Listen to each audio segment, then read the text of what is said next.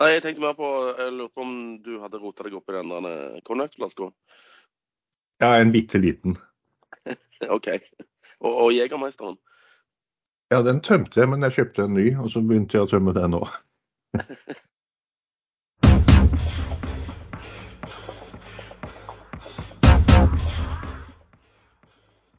Velkommen til podkasten Aksjesladder.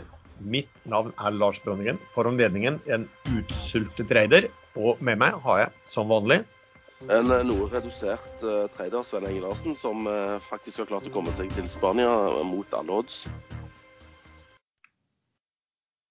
Og en elektrifisert uh, jallakonge, Erlend Henriksen. Ja, og sistnevnte kan vel som vanlig ta din versjon, din, din versjon av vår disclaimer. Ja, ikke få dumme ideer ut fra det vi sier, for vi er totalt uansvarlige. Vi ringer råd dersom du hører på hva vi sier her om markedet, aksjer, enkeltaksjer og livet for øvrig, er ansvaret helt og holdent ditt eget.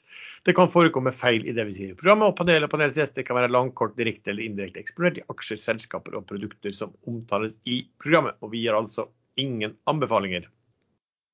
Så Sven, du har kommet deg til, eh, til Spania, og så har du blitt syk. Ja, jeg tålte ikke varmen, tydeligvis. Så jeg har blitt uh, relativt uh, bra forkjølt. Og ikke nok med det, i dag er det 14 grader og pøsregn ute. Så jeg må faktisk ha innekontor.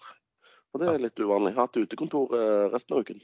Ja. Men har du det varmt nok? Blir det varmt nok i leiligheten din, liksom? Jeg har sånn, sånn varmepumpe. Ja. Så den bare skrur på hvis det er litt for kaldt inne. Godt og varmt, med andre ord. Eh, jeg skal ikke klage. Det er bedre enn hjemme. Der er det bare masse snø. Skal vi starte med det vi bruker å starte med, hva du har gjort siste uke i markedet, unge Larsen? Ja, hva har jeg gjort? Jeg har solgt Argeo. Jeg har uh, uh, solgt dette Omda-greiene. Jeg har uh, gjort masse småtreids og fått kjeft av megler Drypp hos Pareto så sier jeg må handle mer. Men uh, han var oppgitt av at jeg ikke heiv meg på når sta, altså uh, Equinor uh, tryna her på tallene. Uh, men det er ikke liksom, det er ikke min type aksjer. Så jeg har uh, sittet litt stille, egentlig. Jeg har kjøpt litt uh, Biofish uten mål og mening, egentlig der. Uh, innløst warrants. og må jo tro at, at den egentlig vil falle, men nok om det. Uh. Jeg har tegna meg i et obligasjonslån i Segal i dag, som uh, jeg tror kan bli bra. Hva er Segal? Så, Segal er sånn Stavanger-basert uh, IT økonomibedrift som har masse oljeselskap som kunder. De skal refinansiere utestående obligasjon med en ny obligasjon som er senior secured. Bøkene stenger i dag klokken 15.30, så uansett så er det for seint når dere hører dette. her. Da er det dealen done. Men jeg prøvde meg på en eh, trade i BVE i går. Eh, BV Energy. Fordi eh, oljeprisen steg relativt bra, mens norske oljeselskap var egentlig daffe. Og tenkte ja vel, kanskje USA sender opp sine, og så kommer BVE i dag. Men nei da, det gikk ned i dag òg, så da bare solgte jeg. Olje, altså Appetitten på oljeaksjer eh, og offshoreaksjer på Oslo Børs eh, virker være eh, liten. Så mm. det, det, det, er litt svakt marked, så det er litt vanskelig òg, syns jeg. Erlend, har du gjort noe i, i, i Norge eller bare i USA? Nei, jeg har faktisk luktet på noen norske aksjer nå. Særlig REC, men jeg fikk ikke med meg at den hadde falt før litt senere. Da var den allerede oppe på 10 igjen, etter at den falt til 58 fra 12-tallet. Så da tenkte jeg det, da har den steget nok og skal sikkert justere ned, men den fortsatte bare opp. Så det var feiltenkt. Men Kan vi ikke ta når du nevner da? Uh, Sven eller Erlend, hvorfor falt den så mye, og hva, hva var egentlig misforståelsen her? Spent. Ja, nei, Jeg fikk kjeft av megler på den òg, hvorfor jeg ikke handla rett, liksom. Altså, Jeg leste meldingen og tolka den sånn OK, nå er det rett før de er i konkurs. Men uh, meldingen var jo egentlig positiv, uh, sier de som, uh, som kan caset. Så når du ikke kan caset, og det kommer en sånn melding, så, så, er det lett å trå feil, altså. Ja, så det, det de, de, sendte melding med, som var hovedoverskrift Rex Silicon shutdown of Silicon business in Butte, heter det vel, eller hva? Butte Montana. Butte. Butty Boy. Dirty Boy. Ja, I alle fall, så det man da så bare altså da, Og da så vel markedet det og kasta ut uh, aksjer. Og tenkte vel sånn som du, Sven. Og også, jeg fikk det ikke med meg, men, men jeg så bare over headline etterpå og sånn, så, så ville jeg tenkt at det var, dette var negativt. Men så litt sånn på en langt ned i dette her, så er det vel at de skal bare kutte ned den delen som de produserer som er ulønnsom. Altså Polo Silicon eh, business. Men de skulle fortsette med den derre Silicon Gases-businessen sin, da, som jo tydeligvis er det som er ja, lønnsomt. Så det var jo en fantastisk mulighet for de som For her tror jeg du måtte kunne caset ikke sant, og, og skjønne noe. Men for de som kunne caset, så må det jo vært fantastisk å se at den droppa fra fra? Fra 12-tallet til eh, ja, Hvor mye den falt? Den falt fra Han bunna på 8,5. Han var ned sånn 26% eller noe sånt. Ja, den lå rundt, den lå rundt øh, øh, Var nesten oppe i 12 den dagen, faktisk. Og var innom 8,5, ja. Og så snudde den opp igjen. Den 11,72. Ja. Så i dag så er den da øh, faktisk Eh, høyere enn hva den var den dagen meldingen kom. da. Så, det lønner seg å kunne, kunne selskapene man investerer i. Da ja. hadde du fått tidenes muligheter. Ja, eller å kunne altså andre selskap som du kanskje har på en sånn obs-liste også. Eh, også vært med på noen tilfeller hvor, hvor, det var kanskje mer kompliserte ting, hvor man hadde satt seg inn i det. Og da får du ofte en ganske god forsprang på markedet som, som kanskje leser litt highlights og, som, og, og, og ikke skjønner implikasjonene. Så, så, noen har nok klart det i rekta og, og visst at det her var jo ikke så dårlige nyheter som, som man først trodde. Uh, noe annet Erlend, du har gjort? Eller tenkt på? Uh, ja, DNO ser jeg litt på, for der er det nå åpenbart at eksporten snart starter opp igjen. Eh, men det er jo da på nye betingelser. De vil jo få vesentlig dårligere betalt eh, for det de eksporterer nå enn det de eksporterte før. I hvert fall så vil Kurdistan få vesentlig, sitte igjen med vesentlig mindre enn de satt igjen med før. Men jeg har ikke helt uh, fått med meg om DNO vil fremdeles få det samme, eller om de også får mindre. Vet du det? Nei, det er bare så at altså, I dag så har de jo bare den ordningen. I dag får de hva var det, rundt ja, på 30-tallet betalt per dollar per, per salg. Eh, og så går det jo omtrent sånn med kjerre ut derfra. Eh, men jeg så jo at de skrev noe i presentasjonen sin at de i dag har ca. 10 millioner dollar i positiv cashflow per måned derfra. Altså det er jo en milliard i, i året. Men det er jo for at de de, ok, de melker, og så har de så, det så lave kostnader av å ta opp ø, oljen, og så investerer de omtrent ingenting nytt i hva skal vi si, nye brønner og, og, og fortsatt altså, ja, opprettholde eller øke eh, produksjonskapasiteten og ressurser og reserver eller hva det måtte være. Uh, men jeg vet ikke om altså, uh, nå, nå, fortalte jeg vel for noen uker siden at jeg hadde kjøpt det nå fordi at uh, man hadde henvist til ja, det var kanskje sist gang vi snakka om det, faktisk. Det er brevet fra eh, Erbil. Eh, men det ser jo ikke ut som noe skjer der. og, og når USA bomber i Irak, og sånn, så er det kanskje ikke noe eh, større grunn til det. og også sett andre som, som sier at det her er bare et spill fram og tilbake. Men det var noen som skrev i hvert fall på Ekstremvestor at han hadde sagt i en presentasjon av styrelederen i DNO at det var noen sånne avtaler der som, som uansett løper ut i, i om to år, og da mente at eh, da kunne Kurdistan altså, og Tyrkia fritt eh, eksportere. Eh, men, men jeg, jeg, jeg satte meg ikke inn i dette, her, da, så, og det er jo en sånn evigvarende ja. Så om det skjer noe det Her kan det jo skje noe om kort tid, eller kan skje noe om lang tid. Da, eh, når det skjedde, det starta der, så ble det jo sagt at det skulle bli løst i løpet av få uker. og Det er et år siden nå, så hvem vet. Uh, noe mer, Ellen?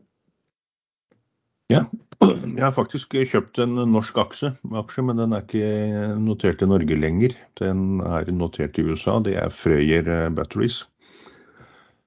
Um, grunnen er at um, at de kom med en veldig positiv melding. De har kjørt De har det sånn 94 punkter eller noe sånt som de skal teste på dette batteriutviklingen sin, og nå fikk de til det vanskeligste.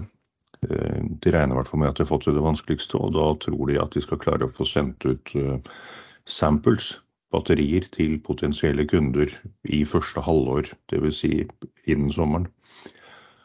Og det har Pareto tidligere skrevet at uh, De har vel kanskje ikke brukt ordet game changer, men de har skrevet at det er den viktigste testen. Får de til den, så blir det bra. Men de trenger penger. Uh, de har 270, hadde ved årsslutt 275 millioner dollar på konto. Det er jo en del penger, men det koster mye å bygge disse fabrikkene.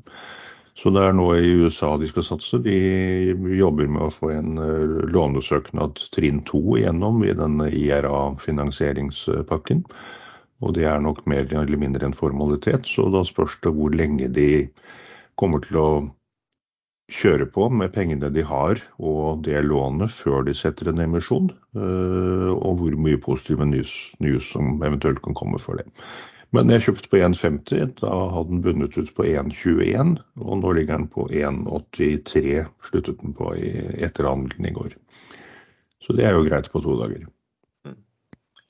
OK. Uh, ja, for min del siden sist jeg har treida litt grann bonheur uh, fram og tilbake.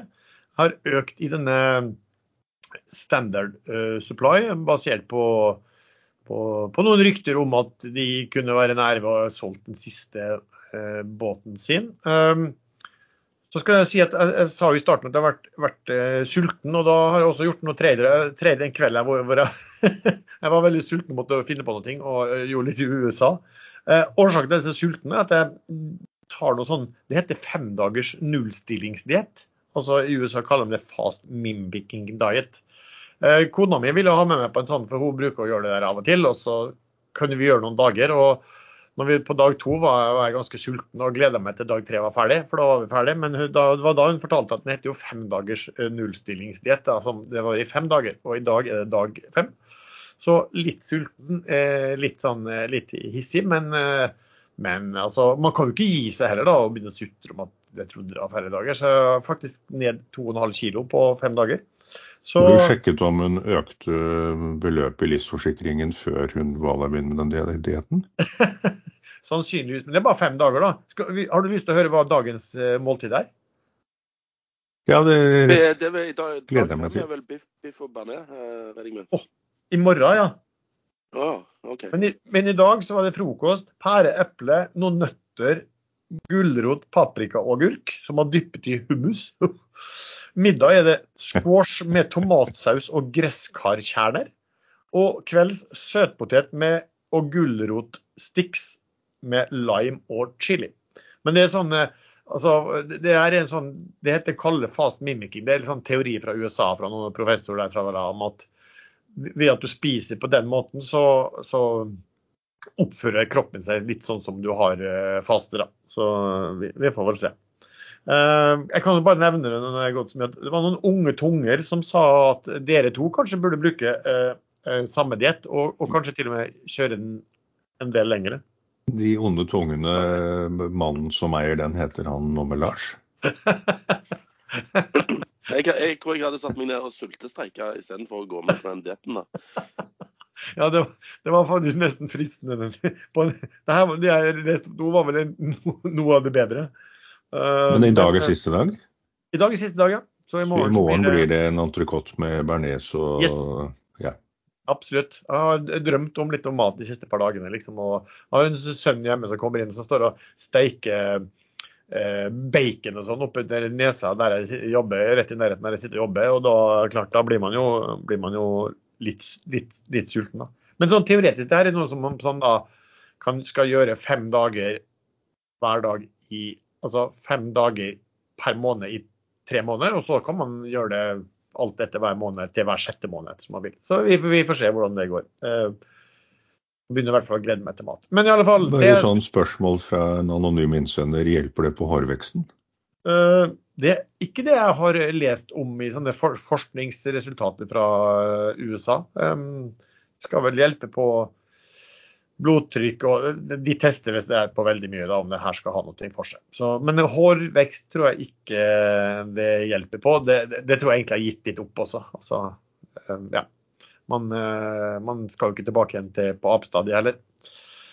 Eh, men det jeg skulle si, var at alt det der gjorde jo at det var en kveld jeg var ganske sulten på allerede på, på, på tirsdag. og Da fant jeg ut at jeg måtte kjøpe litt i USA.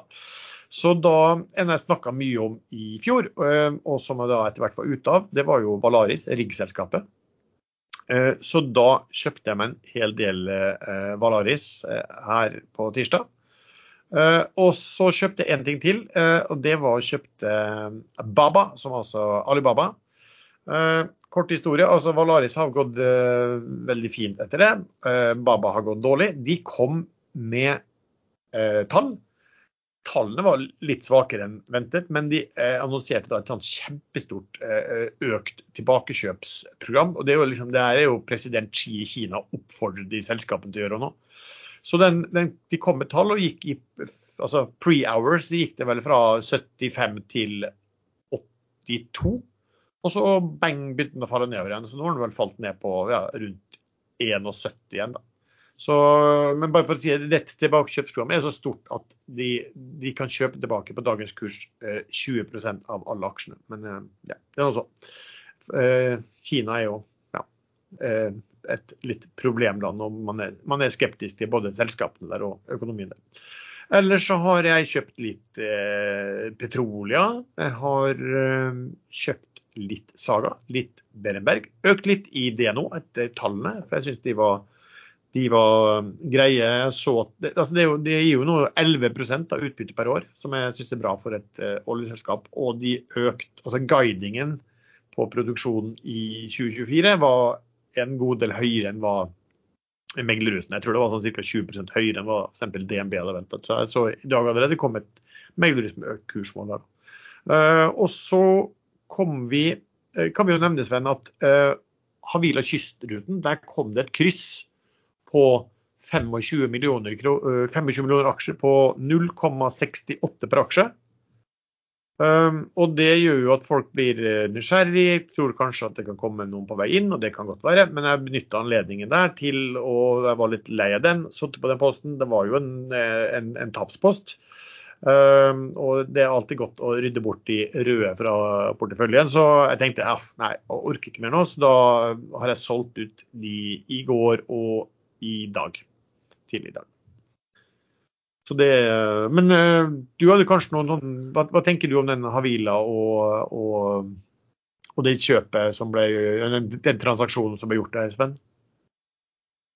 Det er det tydelig at eh, når du ser på aksjonærlisten, så er det State Street Bank, en nominikonto, som da mest sannsynlig solgte de 25 millioner aksjene. Hvem som kjøpte, det det vet vi ikke, men vi kan vel anta at det ikke var Sævik, for han måtte vel ha meldt dette her. Eh, så det blir spennende å se eh, på mandag eller i kveld eh, hvem som har tatt den posten.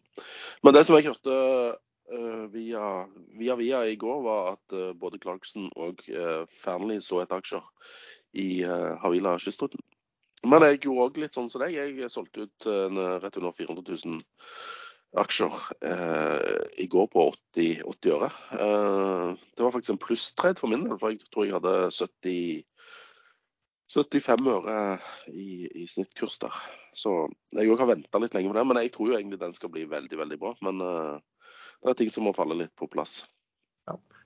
Altså Min tanke på det, det blir jo interessant å se hvem som har kjøpt det. og det at uh, meglerhuset er på jakt etter aksjer, er jo et uh, ja, Kanskje derfor kursen stakk. Uh, Mest sannsynlig i går også. Men det jeg tenkte på var at altså, man skal jo alltid eh, tenke på hvem er det som initierer dette her. Er det en, er det en ivrig kjøper eller en ivrig selger? Eh, og så var min lille at når jeg så at kursen ble satt eh, noen øre under eh, hva børskursen var da. Jeg tror bare, kan, Kanskje børskursen var 71 øre da, eller noe sånt, og, og den ble satt på 68 øre. Da tenkte jeg at OK, hvis det er kjøper som henvender seg, da måtte du gått opp i kurs? Ja, nettopp. Og hvis det er selger som henvender seg, så går du ned i kurs. Jeg tenkte at ok, dette er selgerinitiert, og det kanskje ikke er en så ivrig kjøper likevel. Hvem vet? Nei, men jeg hørte at det var, var bare én kjøper av posten. Ja, Det blir spennende å se i hvert fall. hva, det, ja, Den er jo en ekstremt giret. Vi har snakka mye om den før, da, som, med båter som koster vanvittig mye mer enn hva som er prisa inn i, i, kursen i dag. Og så har de jo utfordringer på likviditet, da, som vi får se. Så Et veldig spennende case. Sånn, kan gå, Et, et jojo-case, det der. Nei, har, har, du Du var med i en i en obligasjon, men har det vært noe som helst å se på emisjonssiden denne uken? Sa han med en viss forhåpning i stemmen. Nei, det har ikke skjedd en skit. Er du overrasket? Ja, bitte litt. Eh, men eh, det står jo så bra til med alle selskap på Oslo Børs at eh, det er ingen som trenger penger. Det er ingen selskap som f.eks. har betalingsproblemer i forhold til sine ansatte eller noen ting. Så det, det må, må, gå godt blant børsselskapene notert på Grøt og Oslo Børs. Ja, for Teco 2030, der kom det vel Det ble jo meldt eh, så kommentert på Ekstramester for et par dager siden, og så kom det i Dagens Næringsliv i dag at de hadde trøbbel med For det var, vel noen som hadde hørt det fra ansatte, at ansatte ikke hadde fått betalt, utbetalt lønningene sine. Um, og så Ja, men eh, de skal jo hente penger i markedet med å, å selge innlånte aksjer i markedet på, på den måten skaffe cash. Så nei, det, det er litt fishy opplegg. Selge innlånte aksjer? Ja, de har lånt fra han eh, Tore Enger, selskapet, ja, og så selger de de i markedet. Og så får de inn cash på den måten. Uh, men det er jo fascinerende. Nå er jo, og så skal de emittere mot uh, hovedeier da etterpå. Ja, men uh, kursen er ikke uh, oppgitt der, tror jeg. Men kursen, nå er det jo veldig lite, da, det har gått aksjer for 200 000, da, men kursen er faktisk opp 9%, 9% i dag, som er litt morsomt da, med et selskap som melder at de ikke, ikke kan betale lønninger og og heller ikke husleie kunne betale. Men så skal det jo sies da at eh, når det er sagt, da, at oppdrag, så har den jo vært opp eh, ned eh, de syv dager foregående dagene og falt fra fire kroner til to til 2,45 i går, da, så at det regulere kan jo skje, skje uansett. da. Men, jeg, jeg, kan ikke det caset der heller noe særlig godt. Men jeg, jeg, ser for meg at hele Teco er en liten sånn container, altså sånn container som du går inn i på en eller annen kai eh, på Østlandet. Altså det er hele operasjonen. Nei, altså de, de har jo ganske store sånne planer på utbygging og prosjekter. Ja, planer, ja. Planer, ja. Ja, og så har de lagd noe sånn, eh, har de ikke lagd noe sånn hydrogensystem på båt eller litt sånt der også, men eh, jeg tror det ja, nei, For min del har jeg syntes det virka Skjønte jo ingenting hvordan de var prisa i en, i en periode. Uh, Sånn eh, rent aksjeselskap teknisk, når du ikke kan betale lønninger i ikke husleie, da driver du jo på kreditors regning. Da skal man jo be om oppbud. Nei, det kommer litt an på hvordan, hvis du, hvis du har planene klare for hvordan de pengene skal skaffes. og det, det, er jo sikkert bare et spørsmål om pris. da. Market capen på dette her er jo godt over 400 millioner ennå. Så hvis de, på, hvis de går ned i pris, så vil de jo sikkert få inn en del penger. da. Men det er jo et sånt selskap som hele tiden trenger nye penger. De har klart det å en, fått overraskende mye penger til en overraskende høy kurs. da. Men, det, eh, de har jo tross alt uh, her store penger i styret, ledelsen. Hva, hva han er for noe. Hvem da? Store penger. Nei, Tore ja. Enger heter han. ja. Så Nei, men da, da har det ellers da vært, eh, vært, stille i Vi sitter jo og venter spent på det hver dag når det kommer, i hvert fall tirsdag, onsdag, torsdag når børsen er ferdig, at det plinger opp noe, noe som skal skje. Men, eh, men nei da. Uh, vi i uken som gikk, så mener det sto at vi fikk uh, det største verdifallet i et børsnotert selskap på én dag i Oslo noensinne. Hva var det som skjedde, Sven? Equinor kom med tall. Og så begynte de å mase om at de skulle investere penger i sånn grønt, grønt søl. Eh, og det likte ikke aksjemarkedet. De vil heller at de eh, enten kjøper tilbake, deler ut utbytte, eller til nøds investerer i, i, brunt og ikke grønt, som eh, har mye lavere avkastning på egenkapitalen. Clouet er vel at Equinor har for mye kontanter på bok, og så vet de ikke helt de, hvor de skal gjøre de. Så nå uh, sier vel, Det er en del mengder som har sagt at de har vært prisa med en eh, premium i en god periode. og nå Elsker, at- elsker når du sier premium på den måten som du gjør det. Ja. Det er litt mer schwung over det. Men legger trykk på M-en. Ja, Premium. premium. Ja, veldig bra. Ja, Men Equinor har falt fra 380 kroner i midten av oktober til eh, det så vidt under 300 før den ramla fra litt over 300 til 276 i går. Så det største fallet på én dag, dag, men den brukte ikke så mange dagene på å falle fra hva var det, rundt 300 og 200 og begynner igjen. Fra rundt 340 til under 300. Nei, når var den i 340, da? Jeg var sånn på grovt charter. 335 4. januar. Og, Ja, det er jo mye fall, da. og så var den eh, 293 23. januar. Den falt i hvert fall nesten 8 eh, på onsdag, som da eh, innebærer et verdifall på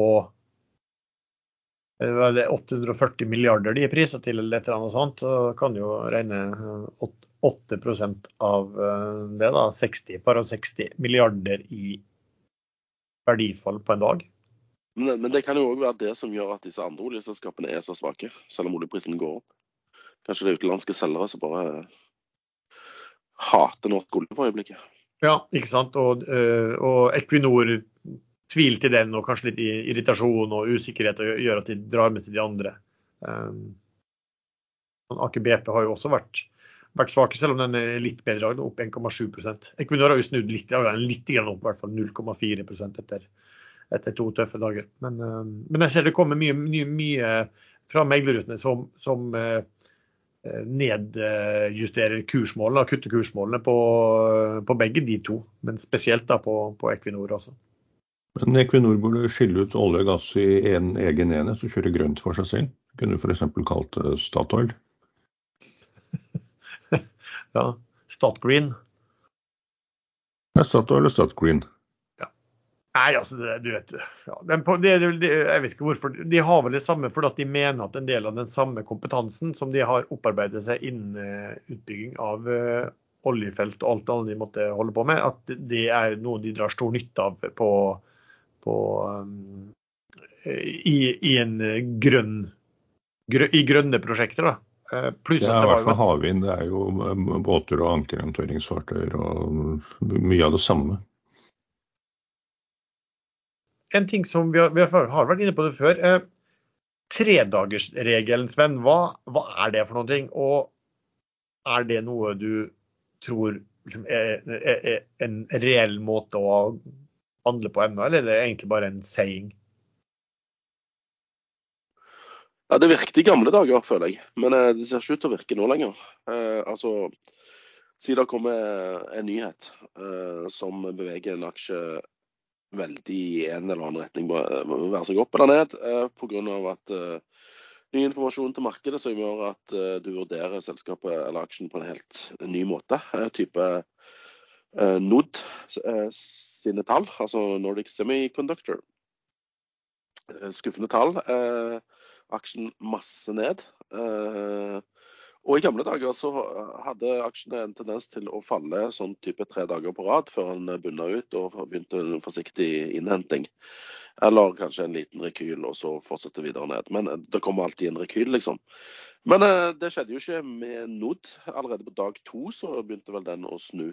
Eh, så det kan jo se ut som kanskje Equinor eh, er mer den som følger tredagersregelen, med at den eh, nå i dag så vidt er opp, selv om oljeprisen er ned.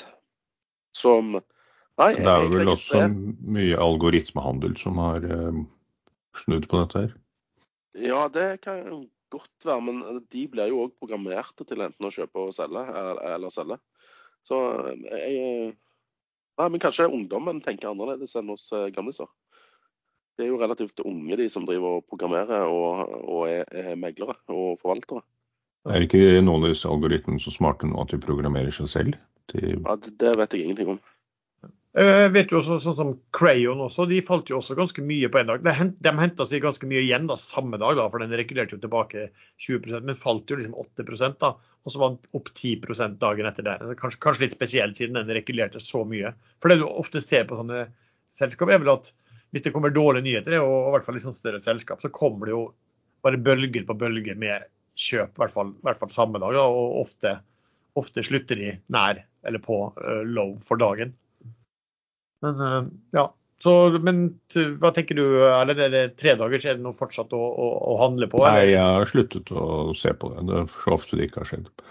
I USA hadde vi noe annet der eh, når det kom circuit break, CB, i en, i en sånn Jal-aksje som plutselig gikk 150% så kunne man stort sett kjøpe eller selge på den tredje CB-en. Tredje circuit breaken er rett etter hverandre. Men det, det, har jeg heller ikke sett så mye av det siste. Jeg satt og ventet på en i går, men den snudde allerede motsatt vei på første circuit break. Så det, det, er ikke noe moro når gamle ting som funka, ikke funker lenger. Da må man finne på noe nytt. Ja. I går var det to amerikanske aksjer som gikk 500 og 600% på sånne småselskap. Så si det ene selskapet er vel ikke så lite. Eh, på meldinger som tolkes positivt, og så vises det at det, det, det, er jo ikke så positivt. Det var vel snakk om 8 milliarder 72 milliarder dollar meldte det ene som en kontrakt. Bitte lite selskap med market value på 20-30 millioner dollar. Og den gikk eh, over 600 eh, men det var jo ikke de som har fått den kontrakten, de er underleverandører til den kontrakten. Og da er det noe helt annet. Så i dag er den, eh, den falt, falt, tilbake halv, halvparten i går. Akkurat nå ligger den minus 30% i prehandelen.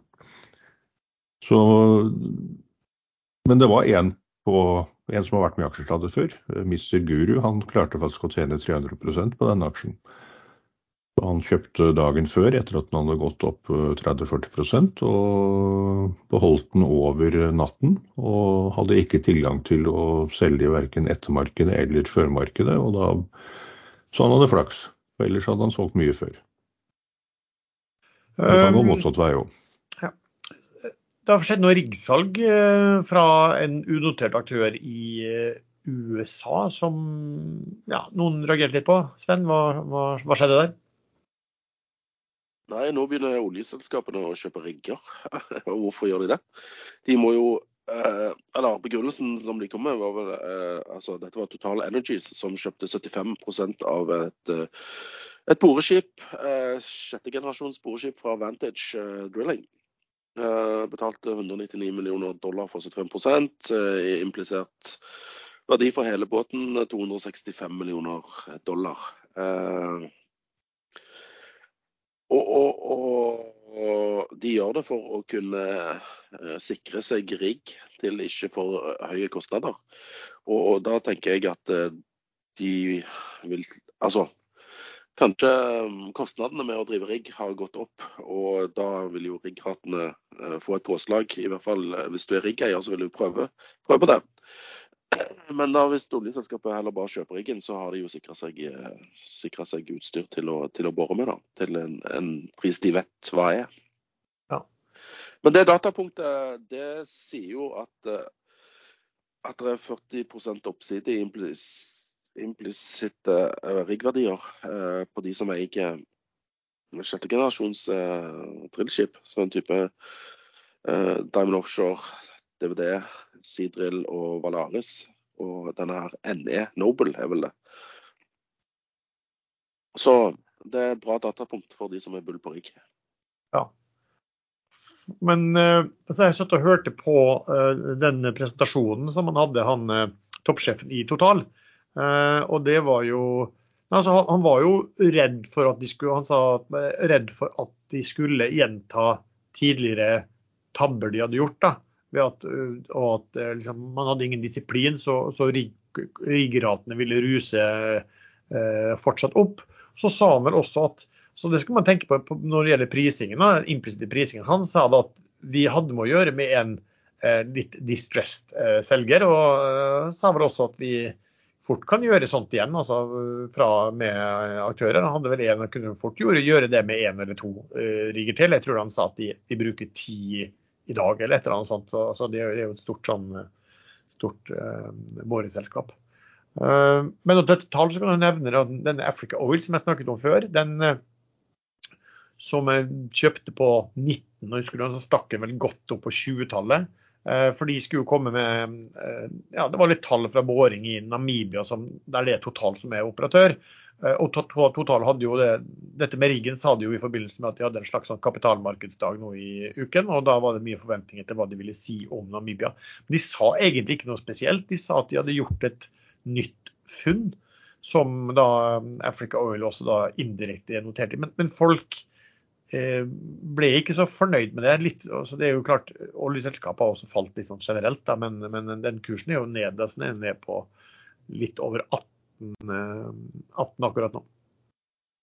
Men jeg syns det er spennende å si når, når, du får en sånn stor aktør som begynner å si at de, de er redd for de framtidige eh, ringkostnadene og, vil, og vil lukke inn liksom, dagens, eh, dagens rater, så er jo det, det, er jo et, det er et godt signal. Ja, altså um, denne her eh, riggen, eller eh, drillbåten, Tungsten Explorer heter den. Uh, den driver jo og, og driller nede i Namibia, den òg. Så derfor økte jeg i null. Og der er det to rigger som, uh, som driver og driller. Den ene for Total, den andre for Shell.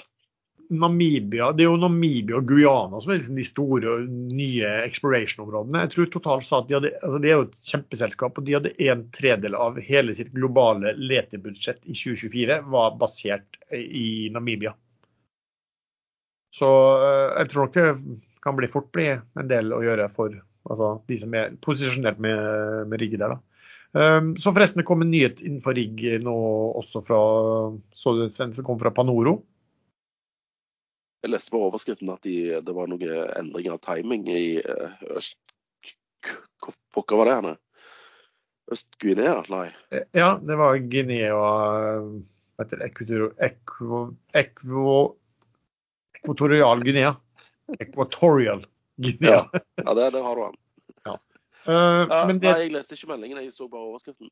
Ja, men med headline var det BVE, men det er jo ikke, de driver ikke samarbeid med BVE der. Nei, dette er bare noe Panoro involverte. Men det, det, som var sånn riggmessig som var interessant, var jo at de altså, eh, de har terminert riggkontrakten nå når de skulle bore. Vet ikke om de hadde begynt å bore også, fordi at eh, de mente at den Riggen er ikke sikker nok, sa leser jeg. Ja, og det er riggen Jeg tror den heter var det, heter en Island, Island Island Innovator, var det det? Det var i hvert fall en, en av disse Island Det er jo norsk, det er norskeid, den. Det er jo ikke så bra. Et spørsmål vi har fått fra en lytter, er jo Otovo, som har fått veldig tøff medfart eh, i en eh, periode. Eh, og også måtte gjøre en emisjon på lav kurs. Eh, det, spørsmålet var er det håp for Otovo. Har du, har du tro på det? Det, så godt kan jeg ikke selskapet, men det de tilbyr eh, folk som ønsker solceller på taket, det er jo leasingavtaler. Eh, som privatkunder ikke ville klare å få med en uh, lokal montør av solceller. Så her er det sånn samarbeid mellom montører som lager avtaler med Otovo, får oppdrag fra dem, og så er det Otovo som henter pengene etter hvert fra kundene. Så opplegget syns jeg egentlig høres fornuftig ut, men om det er penger nok det, det blir nødvendigvis dyrere for kunden å gå via et mellomledd. Men eh, er det dyrere enn å låne penger i banken, låne penger på huset? Jeg aner ikke. Ja. tenker du om det, Sven? Har du noe anelse? Jeg, jeg kan ikke case. Ja. De henter eh, penger på Husker du kursmålet? Hva de, hva de henta penger på? De henta vel nye 3,45 kroner. 3,45? Ja, det gjorde de. Og de henta nesten 500 mil. Ja. Og nå er de priser, nå er de på 2,13. Ja, De kom med noen tall som var litt svakere enn venta. Men ja. uh, Pareto, som er uh, våpendrager, altså de som henter penger for dem, de uh, er relativt bullish fortsatt. Og har taget pris fire blank. Ja, jeg lurer på om det var, var noen som snakket om at de hadde kutta litt på den også. Men eh, de må jo nesten være bullish, da. Ja. altså, disse her tilretteleggerne. altså Hvis det er noen virkelig som, som, er, som man ikke skal eh, ha noe tillit til, så er det eh, av, av eh, analyser fra Meglerus, så er det jo de fra tilretteleggerne. Det har jo vært, det har vært, faktisk vært under, gjort sånne studier på i USA også, det, hvor de gjorde det vesentlig dårligere på sine anbefalinger for de selskapene hvor de hadde vært eh, tilretteleggere og, og hva det for. da. Market capet nå på Otovo er jo ca. 600 mil, så, så det er jo ikke mye mer, så mye mer verdi enn hva de pengene som de, de dytta inn eh, sist gang. Da. Men eh, de har vel ganske mye ja, lån, og det må jo finansieres alt det her også når de, er, når de et, skal være et slags leasingselskap selv. Jeg tenkte jeg skulle bare si, altså Intrum har det vært ganske mye snakk om. eh, For den har jo falt noe voldsomt på børsen. altså Den store svenske inkassoselskapet er vel nå nede i dag Skal vi se hvordan den er i dag, da. Den er på 35,04 svenske kroner, ned eh, 8,7% i dag. Ja, Ned 8, og den er også ned eh, 50% hittil i år. Og 70% på ja, ca. på ett år, og 83% på to år. Eh, så det er jo Det har jo vært mye sånn diskusjon om når skal man ta den. Eh, Meglerhus er usikker på hva er verdiene her, hvordan skal man kunne det. De solgte en del av porteføljen sin med, som omtrent til null. Eh, og da tenkte kanskje folk at det var jo bra gjort, fordi at selskapet har bokførte verdier på si, 16 milliarder, og de er priser til eh, en market cap på, på drøye fire. Eh, men her er det jo litt spesielt, da. fordi at eh, når jeg begynte å se litt på det, så fant jeg ut at hvis, de, hvis disse sitter og selger porteføljen sine på pris bok 1, så er det jo konk. Eh, fordi eh, de har på balansen sin så har de Altså de har 16 milliarder da, i bokført, eh, 16 milliarder svenske i bokført uh, egenkapital. Men de har 38 milliarder i immaterielle uh, eh, verdier, da, altså som er aller mest av det goodwill, altså noen aktiverte kundeforhold på en måte. Så det er klart at hvis du da, altså Immaterielle får du ikke solgt, så hvis du selger de, de, de andre assetene dine til prisbok 1, så, så er du jo under med 20 milliarder. Så, så, det, så det kan du jo faktisk ikke holde på med heller. Um, så vi får se, da. Men jeg tror det, det er vel sikkert store muligheter til at de kan forbedre eh, driften sin. Og den er jo da, er jo da veldig, eh, veldig gira også nå. Nå tror jeg at de har ti ganger så mye netto rentebærende gjeld som de har egenkapital, eh, eller marked, markedsverdi. Så det, det slår jo litt begge veier, da. Men akkurat nå så er jo markedet tydeligvis livredd for at de må eh, hente inn penger. Um, og det er klart, det er det er sikkert en interessant oppgave å være revisor der på et selskap som som prises til en brøkdel av bokførte eh, verdier, hvor, hvor eh, mer enn 100% av bokførte verdier er eh, Eller 200, 200% av bokførte verdier er immaterielle verdier. Ja, de har to, to store obligasjonslån òg utstedt. Hvor eh, 28 forfallet tredje under 70% av pålydende. Og de har eh, vel sagt de skal kjøpe tilbake en sånn rever Altså de skal gjøre en reverse eh, Dutch eh, bookbuilding, eller hva faen det heter for noe. eh, for å kjøpe tilbake obligasjoner. Og de så for seg at det ble gjort til kurser som er 22-40 under pålydende. Så Ja. de, de bruker i hvert fall litt penger på det nå, da. Så får vi se om det er lurt eller ikke. Ja, for jeg tror Men altså, har men altså det som er litt morsomt, hvis du eier eh, obligasjonsgjeld til et inkassoselskap, hva gjør du da når de ikke klarer å betale? Går du til et annet inkassoselskap eh, og sier at de må drive inn pengene for deg, eller hvordan virker det?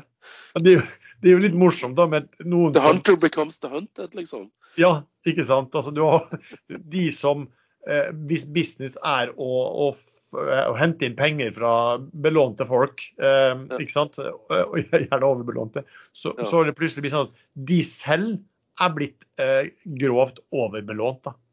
Ja, det, det, det er jo litt sånn, sånn karma. Eh, ja. Ja. Jeg prøvde å sette meg litt inn i dette, for vi har jo to norske også på der, på med Aksjaktor og BT, B2 Impact.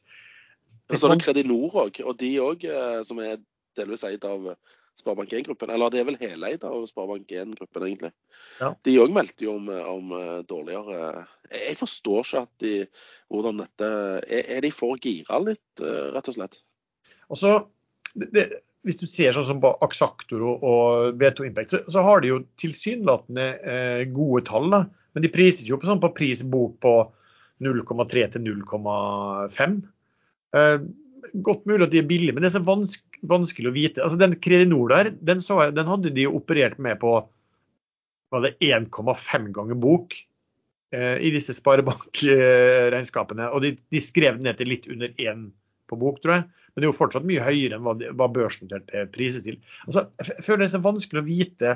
for det, de, du, du, har jo todelt denne inkassobiten. ikke sant? Du har én at du får oppdrag fra store kunder. Kan dere hjelpe oss med å innkassere disse beløpene? ikke sant? Men så har du en annen som, der de kjøper portefølje fra banker og alt annet hva det måtte være. Um, og så skal de innkassere den. Og spørsmålet er jo altså den, den vanlige servicebiten hvor du ikke eier eh, fordringen selv, den er jo grei nok, liksom, kanskje å prise og sånn. Men det spørsmålet er hva er verdien av det du har kjøpt? Og de har jo investert noe veldig mye i, eh, veldig mye i, eh, i den type lån. Så, så hva er disse ja, altså Ofte òg liksom i Sør-Europa. Uh, ja, det er vel ja. Det spørs jo på kvaliteten på de porteføljene de, de kjøper, liksom. Ikke sant? Hvor, hvor, godt, hvor flinke er de på dette her når det, hit, det shit hits fan, liksom. Jeg tror også sånn som Aksjaktor også har vel også ikke så langt på enterprise value i dag, så utgjør ikke så langt Det er vel nesten 90% av det er i netto rentebærende gjeld. Eh, litt bedre for litt De ser litt mer solide ut av denne B2 eh, Impact. Men, men, men, igjen, det, det er liksom vi snakker om bank. Der. Og her blir det virkelig sånn black box også. Hva, hva, hva, har de kjøpt det til? Hvor mye klarer de å inndrive kostnadene ved å inndrive det? Blir det dårlige tider? Ikke sant? Og da, da har vel det også kommet, i hvert fall i Norge, jeg vet ikke om det andre, litt sånn reguleringer som gjør at de ikke kan ta så mye penger ut på inkasso som de, de gjorde før. Da. Nei, ikke et sånt type selskap som man kan eh, pushe nærmest uendelig opp eh, helt til markedet går litt imot. Og så, hvordan det med gamle aktiv kapital? Nordbrekken eh, er vel også aktiv nå i Kjøpt opp, kjøpt opp, kjøpt opp av Fredriksen. Nordbrekken er vel i bank B2 Impact. Ja. Mens, Fred, mens Fredriksen er i Aksaktor. Så Fredriksen liker båter og og inkasso. Nå, nå, kommer det jo andre til, så blir det konkurranse om å kjøpe de porteføljene. Og så ser jeg de sier nå at, at nå er markedet blitt sånn at um, du, du, får mye bedre, mye bedre avkastning da, på de nye porteføljene du kjøper. Men det må jo implisitt bety at de porteføljene de allerede har kjøpt, har de betalt mye for. Altså, det, det reelt sett sier jo da markedet at verdien på de eksisterende porteføljene er jo ned. Nei, så det er vanskelig. Altså, jeg så, prøvde å se på de tallene her. og så syns jeg det var liksom vanskelig å, å, å, skjønne helt de, de regnskapene. For at du har den blandingen mellom hva du eier selv, og, og du brukte masse sånne begrep og ting som, som var liksom vanskelig å, å, kjenne igjen fra regnskapet. Så, så, nei, det er litt vanskelig. Men eh, sånn som det så nå, så ville jeg jo heller eid da de Aksjaktor og B2 Impact. Men, men, til gjengjeld så er da intro mye større og så gira at det, det kanskje blir en sånn artigere trading, selv om det har vært svært litt artig å tro jeg trade den i en del uker nå. Nei, men jeg tror du kan se på de derne porteføljekjøpene som sånn uh, oljebrønner, egentlig. Jeg tror det Til å begynne med så er det lett å få inn penger, og så du, blir det vanskeligere og vanskeligere. Og så sitter du igjen med ting du ikke får inn i det hele tatt. Men dette så det er, er litt decline i inkassobransjen? Ja, jeg vil, jeg vil si det. Men tilsynelatende så er jo det så har jo da eh, sånn som Aksjaktor veldig altså De har veldig bra tall, hvis du ser på det sånn tilsynelatende, i hvert fall Aksjaktor er nede på en PE på rundt 4 og B2 på 7-tallet.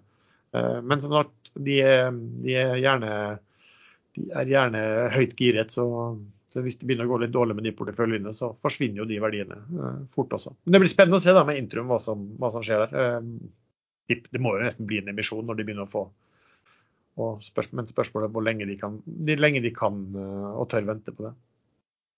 Men eh, hvis det blir en eh, emisjon, da, så er det jo lurt å kjøpe altså, obligasjonene.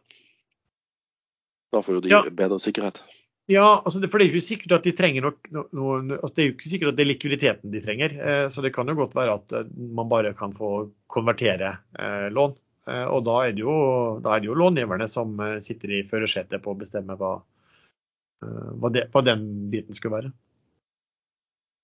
Vi har fått et spørsmål fra lytter på Skana. Um, Det kan vi helst kanskje snakke litt mer om når de kommer med Q4. Men jeg så også det var en artikkel av de hadde jo meldt at de hadde fått en stor kontrakt eh, mellom 50 til 150 millioner på noe, noe brønnutstyr, vel. Og så kom det melding om at nå at eh, det var jo gjort med et russisk selskap, eller noe tilknyttet Russland. Og så var det men, men Skala sier at dette har de, har de snakket med, med, Utenriksdepartementet og alt underveis. og så sa at ja, Fremskrittspartiet de et svar da, fra utenriksministeren om dette var tilfellet, og hvordan de kunne akseptere det.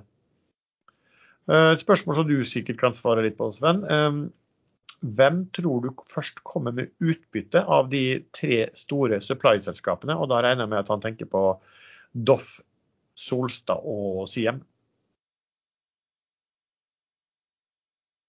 Det er vel noen utbyttebegrensninger eh, i Doff fortsatt. Det er et eh, obligasjonslån der som tror jeg står i veien for utbytter. Jeg vet ikke om, eh, om disse nye lånene med bankene eh, legger hinder der. Men eh, Solstad vet jeg ikke. Eh, så da tipper jeg Siof. Men de, sånn, de, en sånn, de skal vel også refinansiere ja. eller innen et år eller noe sånt. Så, men de klarte, kanskje de tallene begynner å bli så bra. Så jeg vil også kanskje tippe at de Nei, jeg, jeg, jeg, liker jo Doff best, men eh, jeg, husker ikke um, hvor lenge de utbyttebegrensningene vil være til stede. Tror du ikke det, de ligger like lenge som de har veldig lav rente på lånene? Jo, jeg vil nesten tro det. Det er 20, ut 26, er det det? Eller er det ut 25? Det kunne, kunne dette caset mye bedre for noen måneder siden. Men Solstad har vel ikke meldt noen ting om hvilke betingelser banken har sagt i forhold til utbytte, eller i hvert fall ikke som jeg har sett. Har du sett det? Nope. Nå, nå, vil vi ha eh, mulighet til å tegne i denne soff, eh, nye SOF. Få, få, det på. Ja. Før liksom eh, Før markedet topper.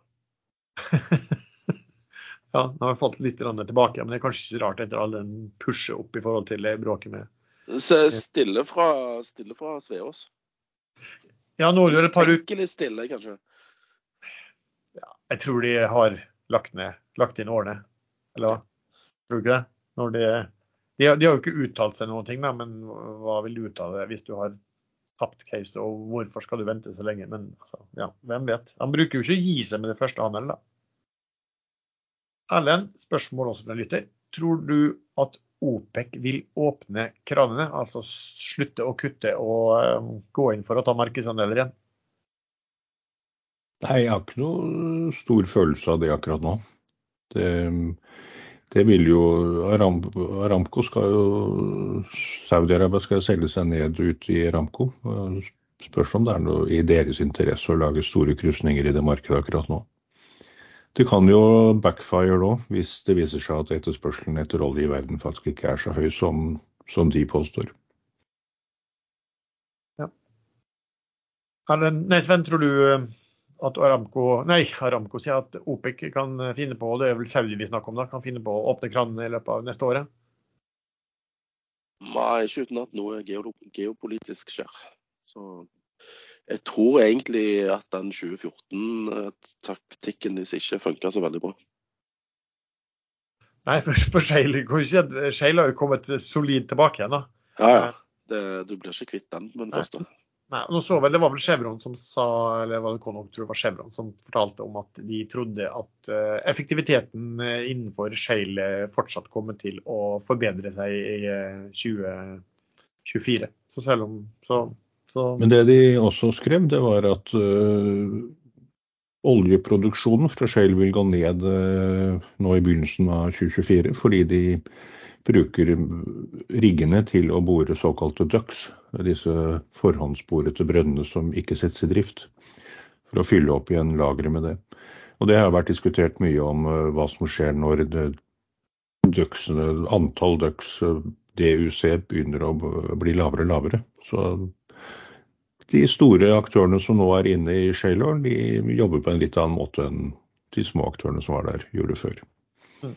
Du liker de der ducksene der inne, Hone?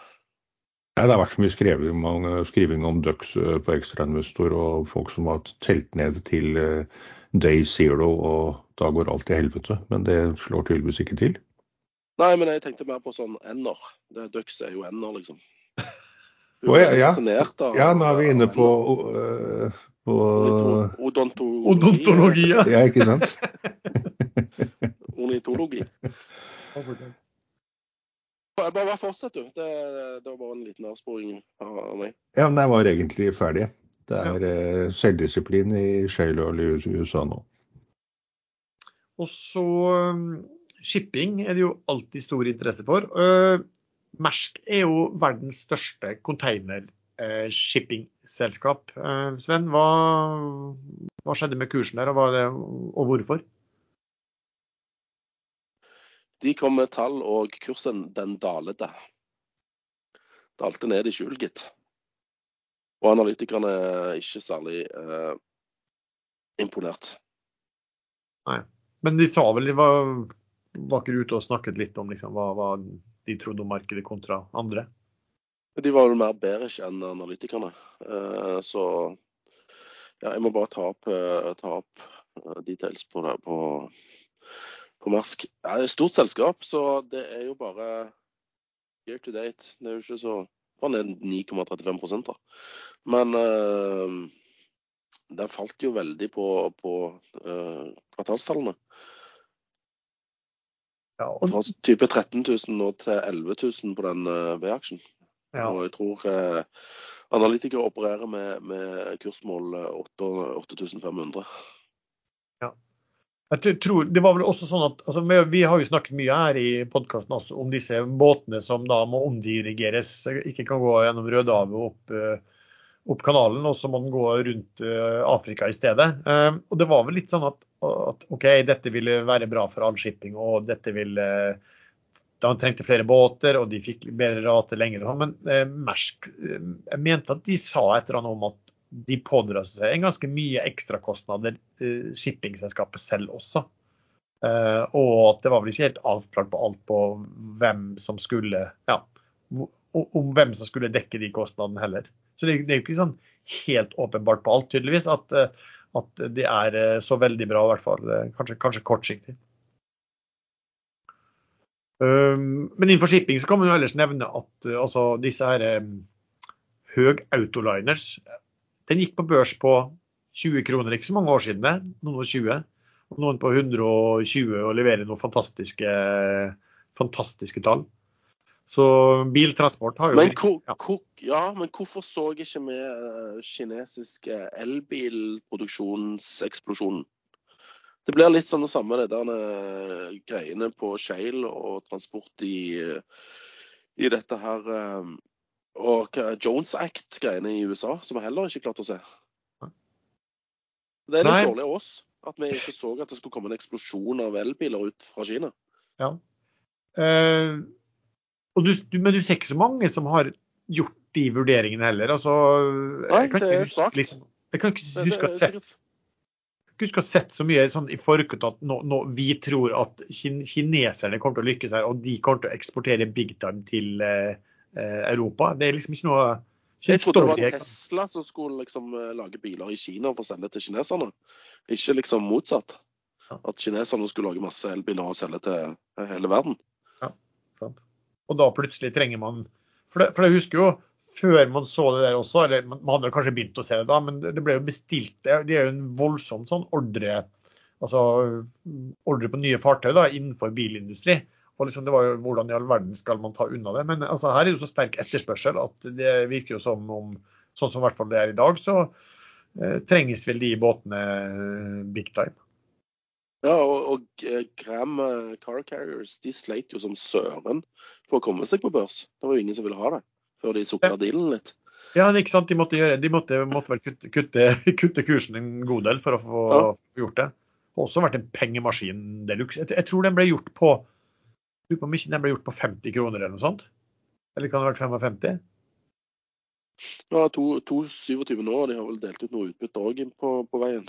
Absolutt. Så det har vært, altså det å sitte i ja, nesten shipping uansett, da, men spesielt, det har jo vært fantastisk. Og så vet man at ting kan snu fort. Du så jo disse LPG-selskapene som eh, bare skøyt opp, og man var på presentasjoner og analytikere fortalte at dette her var bare å komme seg inn i og være med videre. Og så fem dager etterpå så bare stupte det pga. at da tok raten en litt, eh, en litt annen vei. Da. Men eh, det å eie stål har vært fantastisk i de siste par årene. Nesten uansett. Vi får litt spørsmål på oljeservice. Noen av dere som har noen sånn feeling på det? Folk nevner da Prosafe som har falt mye, TGS har falt mye. Erlend, har du, følger du noe særlig med på det? Nei, jeg følger med på Prosafe-kursen. De satte jo emisjonen på 60, var det det? 65? 60? 60 blank. Ja. Nå ligger den på 47,15. Og det var etter at den lå på 130-40, og de måtte sette emisjonen øh, på 65. Så 60. de, får liksom, 60, ja. Så de, de, får liksom ikke til dette her. Sa du 60? Jeg sa 60. Nei. ja, men dere snakket i munnen på hverandre da dere svarte. Så. ja, det må heller ikke. Så hva er det Det er jo fremdeles den gamle ledelsen i Prosef, er det ikke? Ja? De som klarte å Neida. De, de, har, de har skiftet ut noen. Vi gjorde vel det omtrent nå ved misjonstidspunkt, eller litt før, kanskje. Men det de har sagt, er jo at 2024 blir et pauseår, eh, som de sa om 2023. Eh, så ja, Men de ser lyst på, på 2025. Bedre, venter på bedre rater, så de kan tjene masse penger, istedenfor å slå til på noen som i hvert fall dekker kostnader. Mens Flotel da tar kontrakter og tjener penger i mellomtiden. Ja, men det de, det de, sier på venting nå, er vel at det er vel ikke rett og slett Det er jo ikke så mange Det er ikke så mange tenders. De venter Nei. på Brasil. Ja, ikke sant. For det er jo ikke så mange leverandører og sånn. Altså, det er ikke så mye konkurrenter. Det er ikke så mye, det er ikke så mye sånne øh, boligrigger. Og så nå ser det vel ikke for seg, da, når de har mista Det var vel en de var i diskusjon med i Nordsjø, tror jeg, som de ikke fikk. Og så ser det vel ikke for seg noe sånt særlig da, i 2024, hvis, det, hvis de sier at det blir soft i 2024 også. De får lage sånne fornøyelsesparker av disse flotellene sine isteden. Men altså, det er jo litt, det er alltid litt fristende med en sånn som har falt eh, såpass eh, mye, da. Og se om det en, kommer en rekyl på det. Men TGS og sånn, har du sett på det, Erlend? Nei, den har jeg aldri kunnet. Det er for stort selskap for uh, Njala konge. Erlend, begynner du å bli frista av den, Sven? Nei, jeg vet ikke. Jeg har sett noen analytikere som sier at den kan fort halvere seg. Og så har jo de vært så veldig flinke på sånn Asset, Light-modell, eh, der de har hyrt inn båter. Eh, og, og, på den måten sluppet liksom tunge finansieringskostnader og, og lån i banken. Men nå har de jo klart å fusjonere, eller de, det er jo ikke helt sammenslått ennå, men de fusjonerer med PGS, da, som bare er stål, liksom. Som alltid har tapt penger. Eh, så kanskje det ikke var det lureste TP TGS har, har gjort, fordi at uh, de, de, kan, de, hadde glemt den gamle visdomsordet 'skomaker, bli ved din lest'. Ja, men det var en periode der stål eh, på hav, uh, eller stål på sjø, var noe av det hotteste som, som kunne oppdrives. Så jeg tror kanskje de ble frista. Ja, eller at de så at det, var, at det begynte å bli dyrt for de å at de kunne bli spist nesten litt sånn som, som, eh, som Total som begynner å kjøpe, kjøpe rigger selv også. Så måtte de fant ut at vi må, vi må kanskje eie stålet, men eh, ja. TGS fikk FOMO på toppen av markedet? Kan være. Vi, eller det kan være litt, litt tilfeldig. Nå har det jo falt på grunn av, kanskje pga. det, men også for at de kom med mye svakere sånne late sales enn eh, forventet. Men ser jo det er noen som mener at det skal skal Open. Det, det som du Sven sa, det, det tror jeg er veldig sprik mellom hva en del snakker om der, og hva kanskje også analytikere eh, mellom ulike mengder eh, ser for seg. Som i en del ja. andre selskap. Den har som regel alltid rekulert ganske kjapt etter skuffelser, men eh, denne gangen så har han ikke gjort det. Så det er jo noe å følge med på. Mm. Ok, Er det noe annet vi bør snakke om, eller skal vi kaste oss over på hva om vi har noen eh, favoritter eller noe spesielt å følge med på uken som kommer? Burde vi ikke snakke litt om uh, utviklingen i næringseiendomsmarkedet? Det, det, går veldig fort uh, feil vei der nå. Ja. Jo, det, jeg hadde tenkt å snakke om denne invers uh, KRE-ETF-en min som heter SKRE. Ja. og det er jo altså gjelden, altså ikke gjelden, men uh, finansminister Yellen i USA uh, sier jo det at det kommer til å komme smeller innen næringseiendom. Og det kan godt være at det er noen banker som går over ende pga. dette. Nå begynner jo dette å bli ganske dagligdags. Mens uh, skreen den, den, holder seg i en range der mellom 27 og 30. Jeg solgte halvparten av mine på 29,90 mest på refleks. Jeg har ikke mista tro på at det ikke skjer noe der, men det, det, kommer til å svinge. Det går ikke i rett linje, liksom. Så jeg sitter og venter og håper egentlig at den, den kan falle litt, sånn at jeg kan få fulgt på igjen. Men det kommer til å bli masse tap, og det kommer til å skje ja, triste ting med amerikanske regionalbanker. Denne her som starta runde to av her, dette fallet, det var jo denne New York Community Bank. Og der hadde jo både han der, han der legal-sjefen, altså sjefsjuristen i selskapet, og en annen, de hadde jo bare forlatt banken, og banken hadde ikke meldt dette til markedet.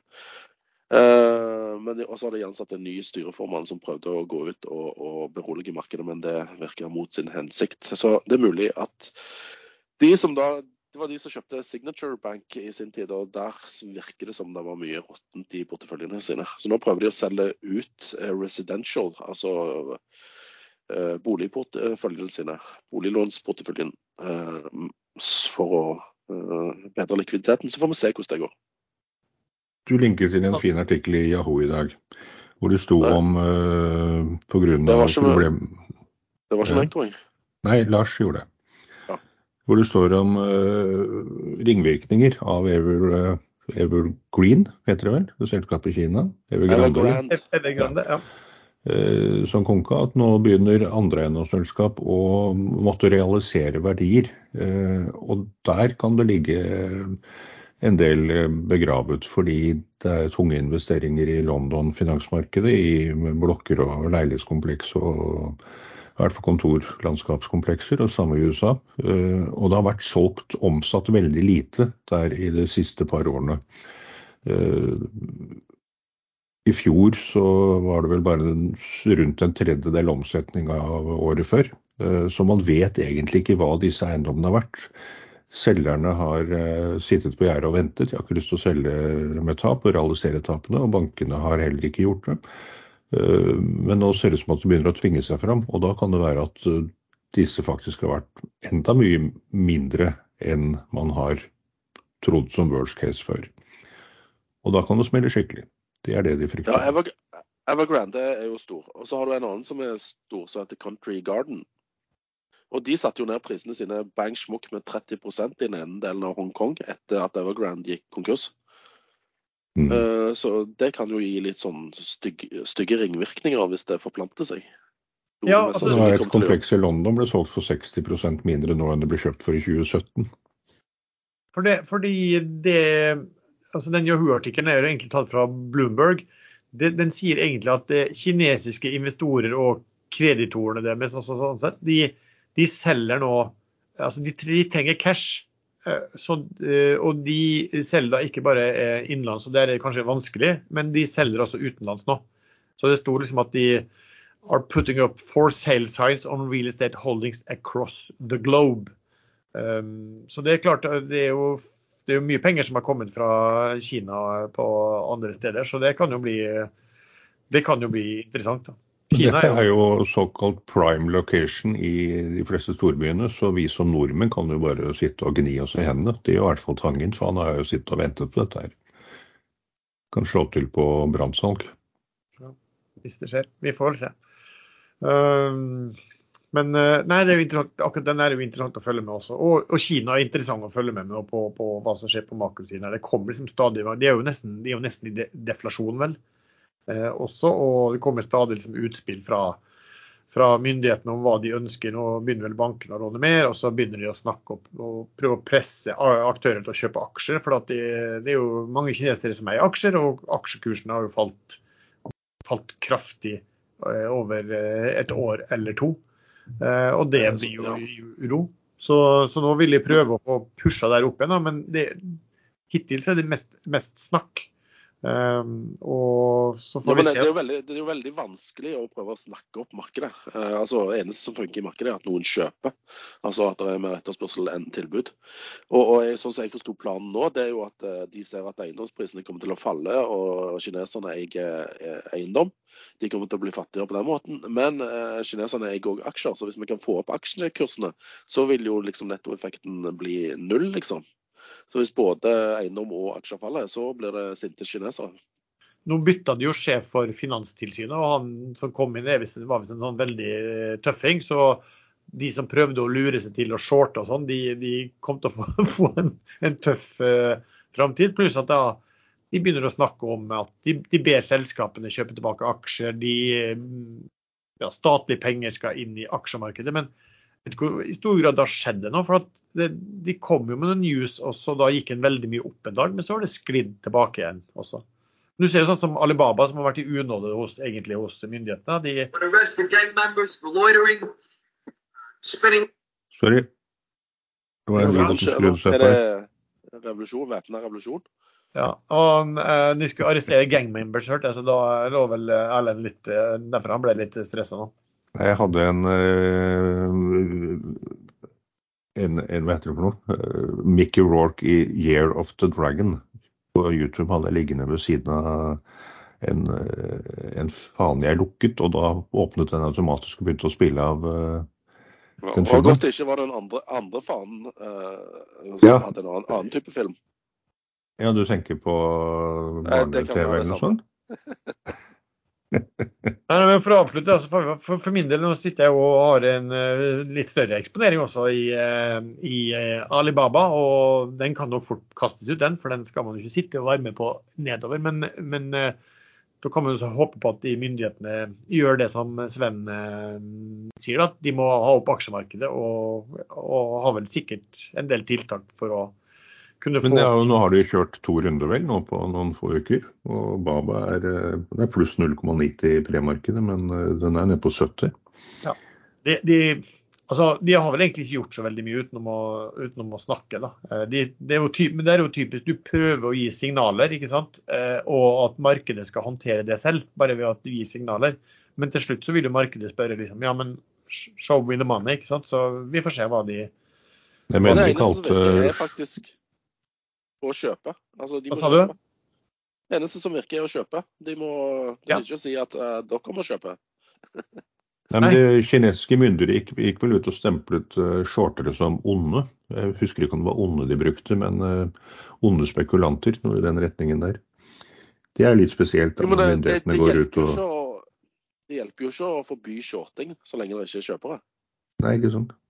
Men du, men du ser jo da hva, sånn som, altså, du ser jo at de får litt respons da når Alibaba øker. altså De hadde et tilbakekjøpsprogram hvor det gjensto 10 milliarder dollar, og de økte det til 35 milliarder dollar. altså så det er klart hvor fort de begynner å kjøpe på det. og de, de, Det kan vel godt være at de kjøper det i ganske sakte tempo, men de, sant, altså det, det, på dagens kurs kan de også kjøpe tilbake omtrent 20 av hele selskapet. Så, så hvis de setter litt fart på det, så kan de jo selvfølgelig dytte kursen fort opp. da. Um, Jo, men kursen Ja. falt jo fra 85 til eh, bare litt over 70 etter at de annonserte det.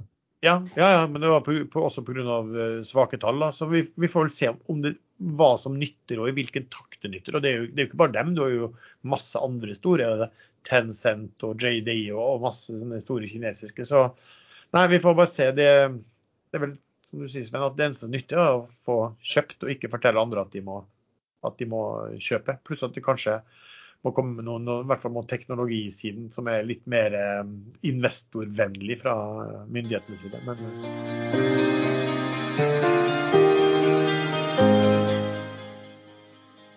Aksjesladder sponses av tredjemegleren IG. Hvis du vil trade aksjer, valuta eller indekser, kan du gjøre det med bull- og bear-sertifikater i IGs banebrytende plattform. Disse forsterker eksponeringen din mot det underliggende markedet med en fast giringsfaktor fra togangeren og oppover. Dermed kan du få girede gevinster mens du begrenser egen risiko. Med Bull er giringen konstant, i motsetning til noen andre børshandlerprodukter, ETP-er. I tillegg har du ubegrenset potensiell gevinst, samtidig som risikoen er begrenset til den opprinnelige posisjonsverdien. Åpne en ETP-konto på ig.com og begynn å trade i dag. Men husk at all trading involverer høy risiko.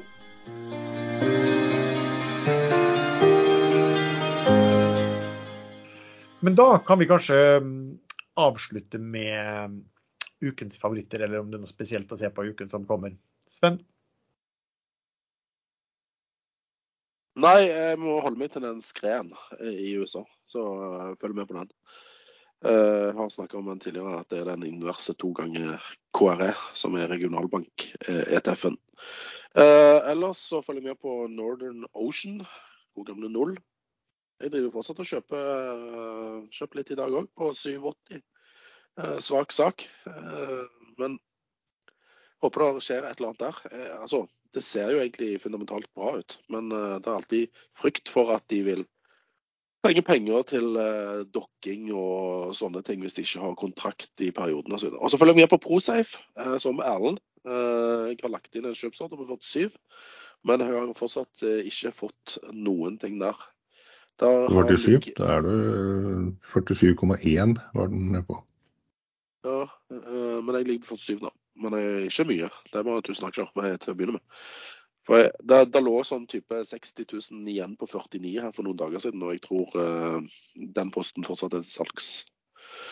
Så jeg håper den kommer ned på 47. Uh, fordi at uh, ja, de sier at 2024 kommer til å bli tregt, men uh, mot sommeren så kan det jo være at det begynner å tikke inn noen kontrakter.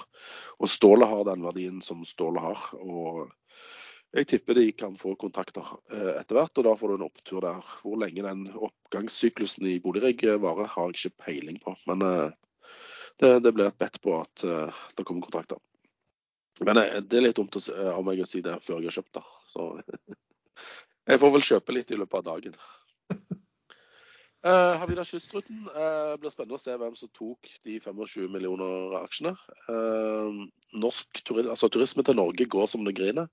Jeg håper det kommer noen oppdaterte bookingtall i forbindelse med kvartalsrapporten for Q4. Det kommer til å være dårlige tall i Q4 og Q1 i og med at det er vintermåneder. Men fra Q2 og Q3 så tror jeg det kommer til å bli hyggelig, hyggelig bookings. Ellers så har jeg vel eh, eh, tenkt å være så lenge som mulig i Spania. Eh, helt til kona maser så jeg må komme hjem igjen. Ja, Særlig 14 grader. Du, du satser på at det blir bedre med det første? Nei, det blir bedre på mandag. Det er i dag og, eller, eh, i dag og i morgen at det skal være litt kjølig. Nå skal vi opp på 20 på mandag igjen. Det er jo ikke veldig husokkupantvennlig at du bare blir der, da. Nei, det var mulig å få skiftet ut den låsen òg. Uh, Erlend, har du noe spesielt? Jeg bare kommenterer til Sven her. Du snakket om Prosef at du ligger på 47. Husk på den uh, berømte regelen om at alt som faller til 100 skal til 50. Og hvis ikke en klarer å holde 50 og etablerer seg under 50, så skal alt som faller under 50 og etablerer seg til 10. Det er sånn det er. Men så er det sånn veldig ofte, faktisk. Den er like, like utdatert som tredagersregelen etter hvert, tipper jeg. Nei, den har vist seg å slå til så mange ganger, så den holder jeg på. Uh, du var ferdig? Jeg var ferdig. Lars spurte jo deg. Ja, stemmer det. Det var sånn det var. Eh, jeg følger jo med på Nordic Mining. Eh, den ligger og vaker rundt 17 0,70-0,75. Den var oppe på 0,95 mener jeg det var. Eh, emisjonen ble satt på 0,60. Eh, de vant siste runde rettssak, men den ble anket. Blir vel, husker ikke helt om den ble eller blir signalisert at de kommer til å anke.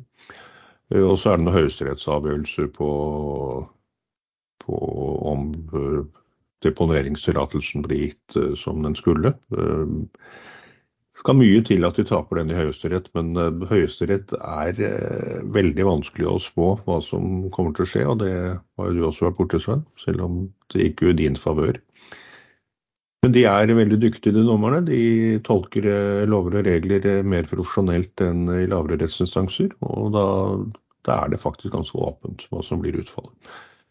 Men det har egentlig ikke noe å si for Nordic Mining om de taper den saken til Høyesterett. Ja, det går vel ikke på utslippstillatelsene, det går på øh, grunneiernes rett til mineraler, øh, granitt, hvis det kan utvinnes alene. Sånn var det vel.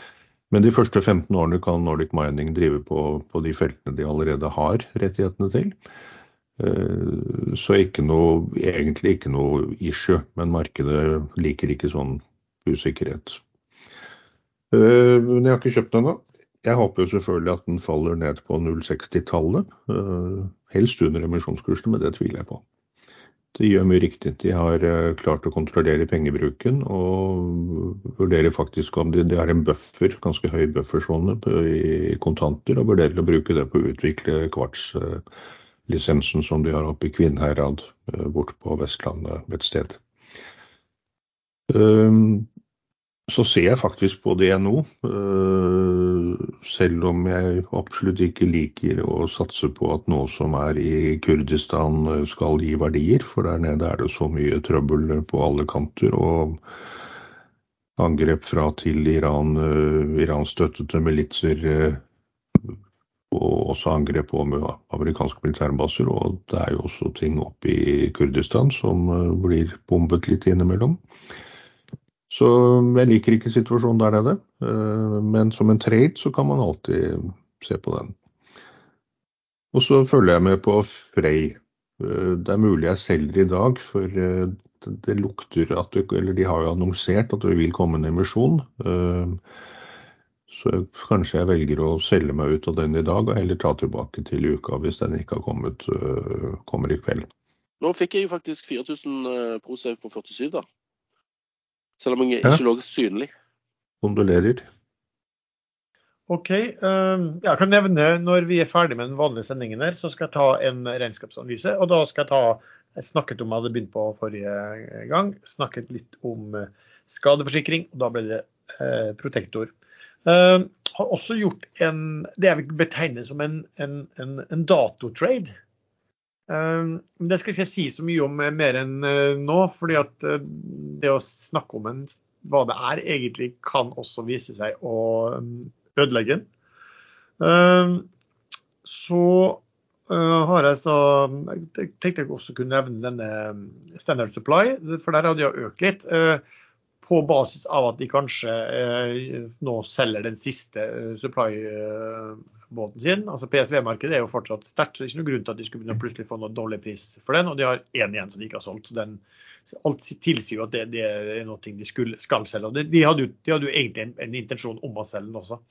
Så jeg tror fort at den kan, eh, den kan smelle inn. og da, da er, cirka, da er det bare cash igjen i selskapet. og cirka, hva er det, anslått noen anslår ca. 5,2 per aksje. Den ligger rundt 4,75 ja, i dag.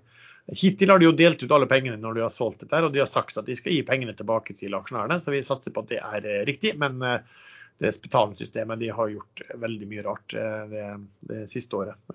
Så det, det, er jo ikke sikkert, da. Men da, i så fall så kommer det jo så, så, så, får du jo en fin avkastning da, hvis de deler ut alle pengene på, på kort tid. Og Stainless Tankers kommer jo også med, med, gode tall. Begynner å gi veldig fine utbytter nå.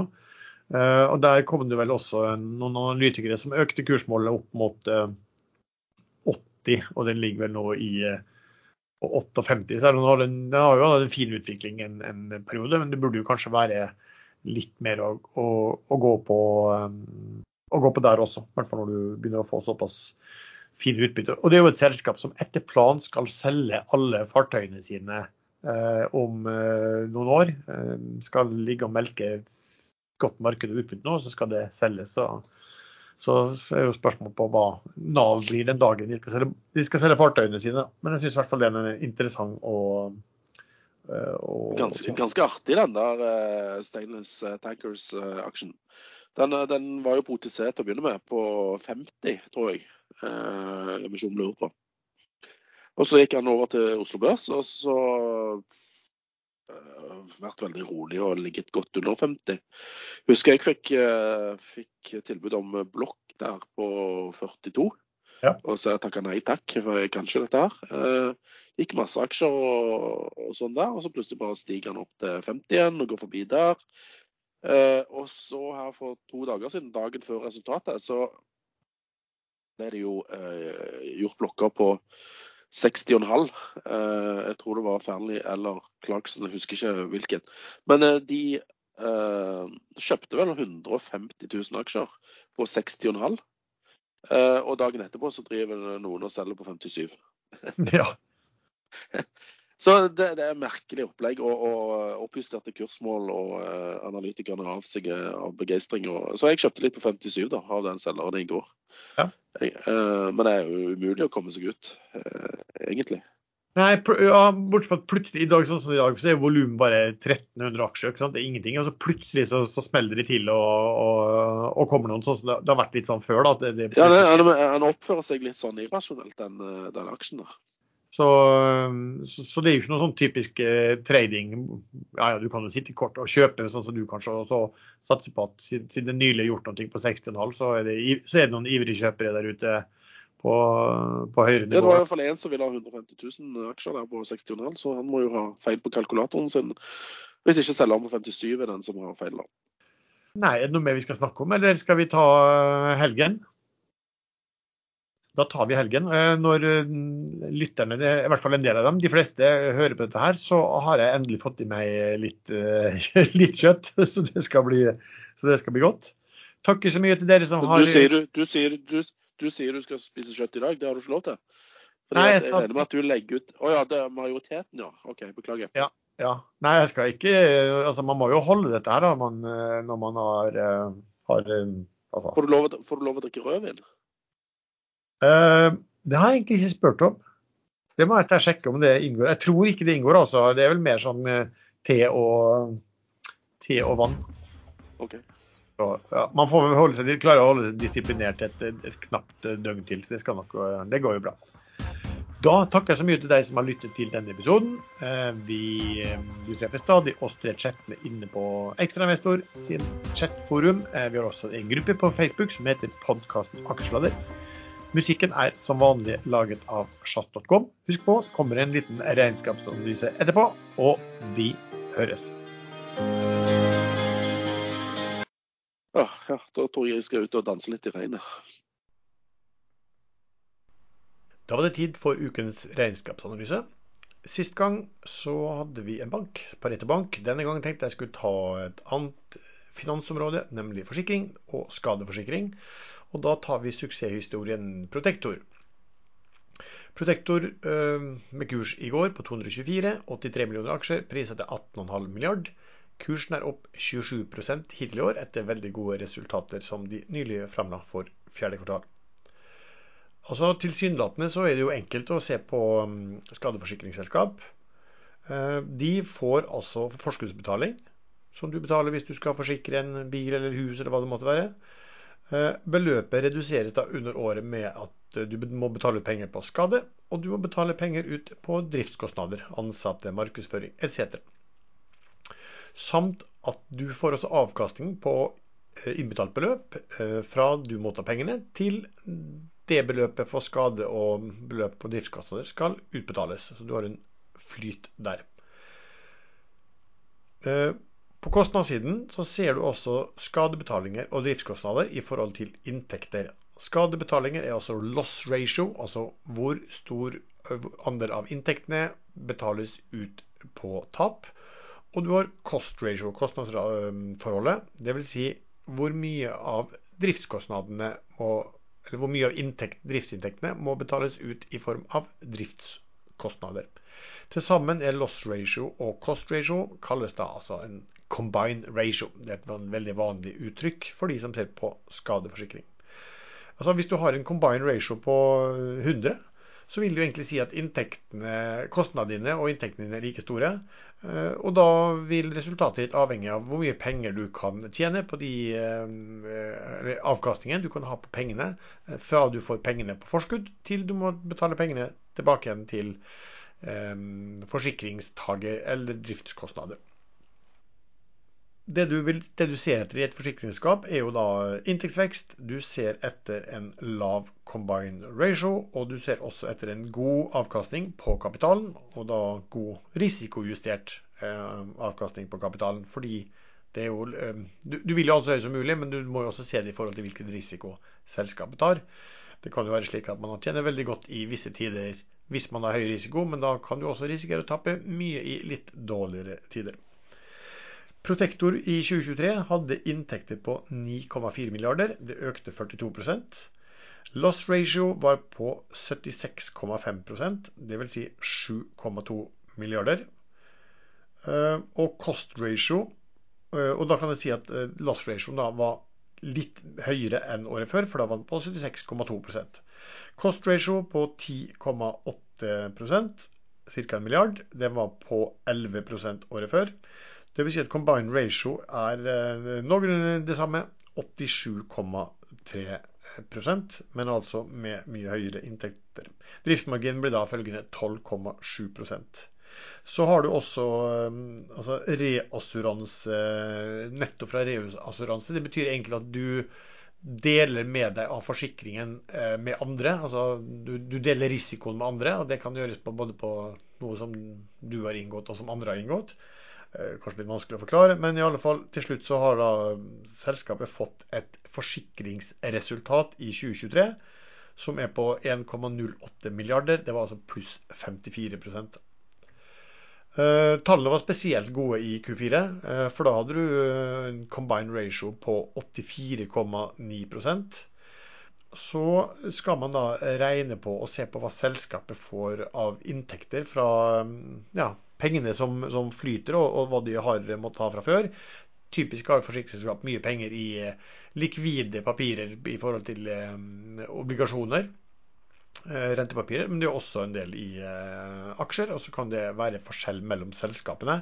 Eh, I hvilken grad, eh, eller hvor stor grad de har det. Og det er også forskjell på dem i, i sånn rentedurasjon, heter det, på, på hvor lange Eh, de rentepapirene, hvor lang tid de, de løper.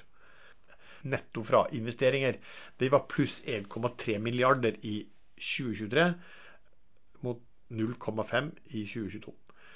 Eh, så har man en litt sånn spesiell situasjon. og det, det, gjorde at Jeg hadde egentlig tenkt å ha det her forrige uke, fordi at det, det er da så problematisk. Eh, fordi at man har kommet med en ny altså Man har sånne regnskapsstandarder som heter IFRS. og den, der, har det kommet med en ny standard som gjør at du eh, kommer med et nytt punkt. Eh, mens det tidligere var veldig enkelt at du hadde, eh, at du hadde, mm, inntekter, cost ratio, claims ratio og, og, avkastning på investert beløp. Så har du også noe, som, noe nytt nå som heter eh, um, finance, new finance income expenses due to discounting of insurance liabilities. Eller jeg, jeg tror i regnskapet så står det vel som, som um, finance income expenses. Så Litt vanskelig å definere hva det er. Jeg har vært i kontakt med selskapet også. Men, men det, det, er altså um, Du har jo antatte um, utbetalinger og krav på forsikringen. Uh, og de må du se i opp imot eh, rentenivå. Så disse, disse eh, liabilities der, eh, altså De kan jo bli høyere eller lavere basert på hvordan kurven, rentekurven beveger seg. Og det er også sånn at noen av de vil jo utløpe. Og det er noen diskuteringseffekter. Veldig vanskelig å forstå det sa selskapet selv også, at de har nesten problemer med å forstå det, altså forklare det internt, hvordan denne IFRS eh, nye linjen har dukket opp. Og, eh, eh, og, de, de, sier også at analytikerne har vanskelig å forstå det, og, og ikke minst er det vanskelig å, eh, å kunne anslå eh, hvor mye det vil være. Det, det, gjør det veldig vanskelig for analytikerne å, å beregne eh, hva den kostnaden vil være. Så mens jeg sa at på fullår at du hadde altså et eh, forsikringsresultat på ca. 1 eh, milliard, så, og et eh, resultat på investeringer på ca. 1,3 milliarder, så har du altså på denne her, eh, Net Insurance Finance Income or Expenses, den har du minus 384 millioner på i år. I fjor var den på pluss 607 millioner. Altså, igjen så den fantes jo ikke før, og da ble det helt mye enklere. For de skulle eh, i stor grad fordeles på, eh, på, skader, altså insurance claims, og tror noe på finans. Men, men, det gjør i hvert fall at hvis du hadde bare tatt disse tallene nå og sammenligna det med tidligere uten å korrigert, så, så, så, ser det ut som om selve forsikringsresultatet da ville vært eh, bedre, i hvert fall i, i, tider hvor det er minus, og det motsatte i pluss. Og som sagt, i år var det pluss. Det der, den der korrigeringsposten på en måte var, var minus 384 millioner i år. Det hadde vært fristende å bare putte den inn på claims og ikke tenkt noe over det, men det blir jo ikke helt korrekt det heller. Og så blir man nå litt forvirret da når man skal se på dette. Så det er jo synd at man har eh, innført noe som er så vanskelig forklarbart for selskapet å, forholde seg til eh, selskapene. Men sånn i utgangspunktet så er det dette her med eh, inntekter, og så tar du, tar du loss ratio, cost ratio og en combined ratio. og Da får du også et eh, driftsresultat eller forsikringsresultat. Og så har du da som sagt finansinntektene på toppen av det. Eh, selskapet ender jo da opp eh, i, for, for, året 2023 eh, etter skatt med et resultat på 1,5 milliarder. Det er pluss 9% fra året før. Litt av det pga. høyere skatt i år. Resultatet for skatt er ca. opp 15 EPS-en da er altså inntjening per aksje 18,3 kroner per aksje, og hele 8,2 av de kom i Q4. Men jeg tror ikke du skal dra det videre, for der var det helt spesielt mye høye øh, inntekter fra, øh, fra, investeringer. Det utgjorde jo langt over nesten, nesten to tredeler av, av finansinntektene, eller investeringsresultatet for hele 2023. Eh, men da kan man også se på det at du har jo denne her eh, en, en P12 basert på dette her, med en vekst 15 for skatt. Ser jo ikke ille ut. Du har da også en PE på 12,2 med vekst. 15 eh, før skatt. Da ville jeg, jeg ville brukt den siden skattesatsen har variert litt. Og da har du en PEG, PE delt på growth, på 0,8, som er ganske bra. Prisbok er på 4,1. Så når det gjelder investeringer, skal vi ikke gå inn på det. Men det er viktig å se på og tenke på hva de ville klart i et normalisert år. Du, du kan gå inn og se på obligasjoner, obligasjonsportefølje, og du kan gå inn og se på aksjer. Så kan du tenke deg hva ville disse tjent i, en, i et uh, normalt år. For det er klart det er dumt å bruke P-tall og veksttall på Eh, det som kanskje er ekstraordinært gode uh, investeringsresultater i eh, et år. Da. Jeg tror at i 2023 så hadde altså da hadde de jo de inntektene da fra 20, i 2023 er da på finans er da så mye høyere enn inntektene fra 2022. Investeringsresultatet jo i 2023 er f.eks. 180% høyere enn i 2022. Eh, så da bør du også se på Jeg tror man skriver Hvis jeg så det riktig, så hadde de en totalavkastning på alle investeringer på nesten 8% i 2023 mot 3,4 eh, i 2022. Så, så, her gjelder det jo å se på hva, hva er normalisert investeringsresultat. Eh, Håper dette ga deg en viss eh, kunnskap om hvordan du kunne se på forsikringsselskap, og hvordan du kan regne på det, og hva du skal se etter. Som sagt, Protektor har vært et eh, veldig godt selskap, og det jo, eh, må jo være bra for aksjonærene å se at det kan vokse såpass mye på, på topp- og bunnlinjen på Kom gjerne med innspill til andre selskap du vil vi skal se på. Nå har det jo kommet mange som har levert årsresultatene sine. Og da er det jo litt lettere også å kunne se på, eh, på, på tallene og sammenlignbare det med, med, med året før.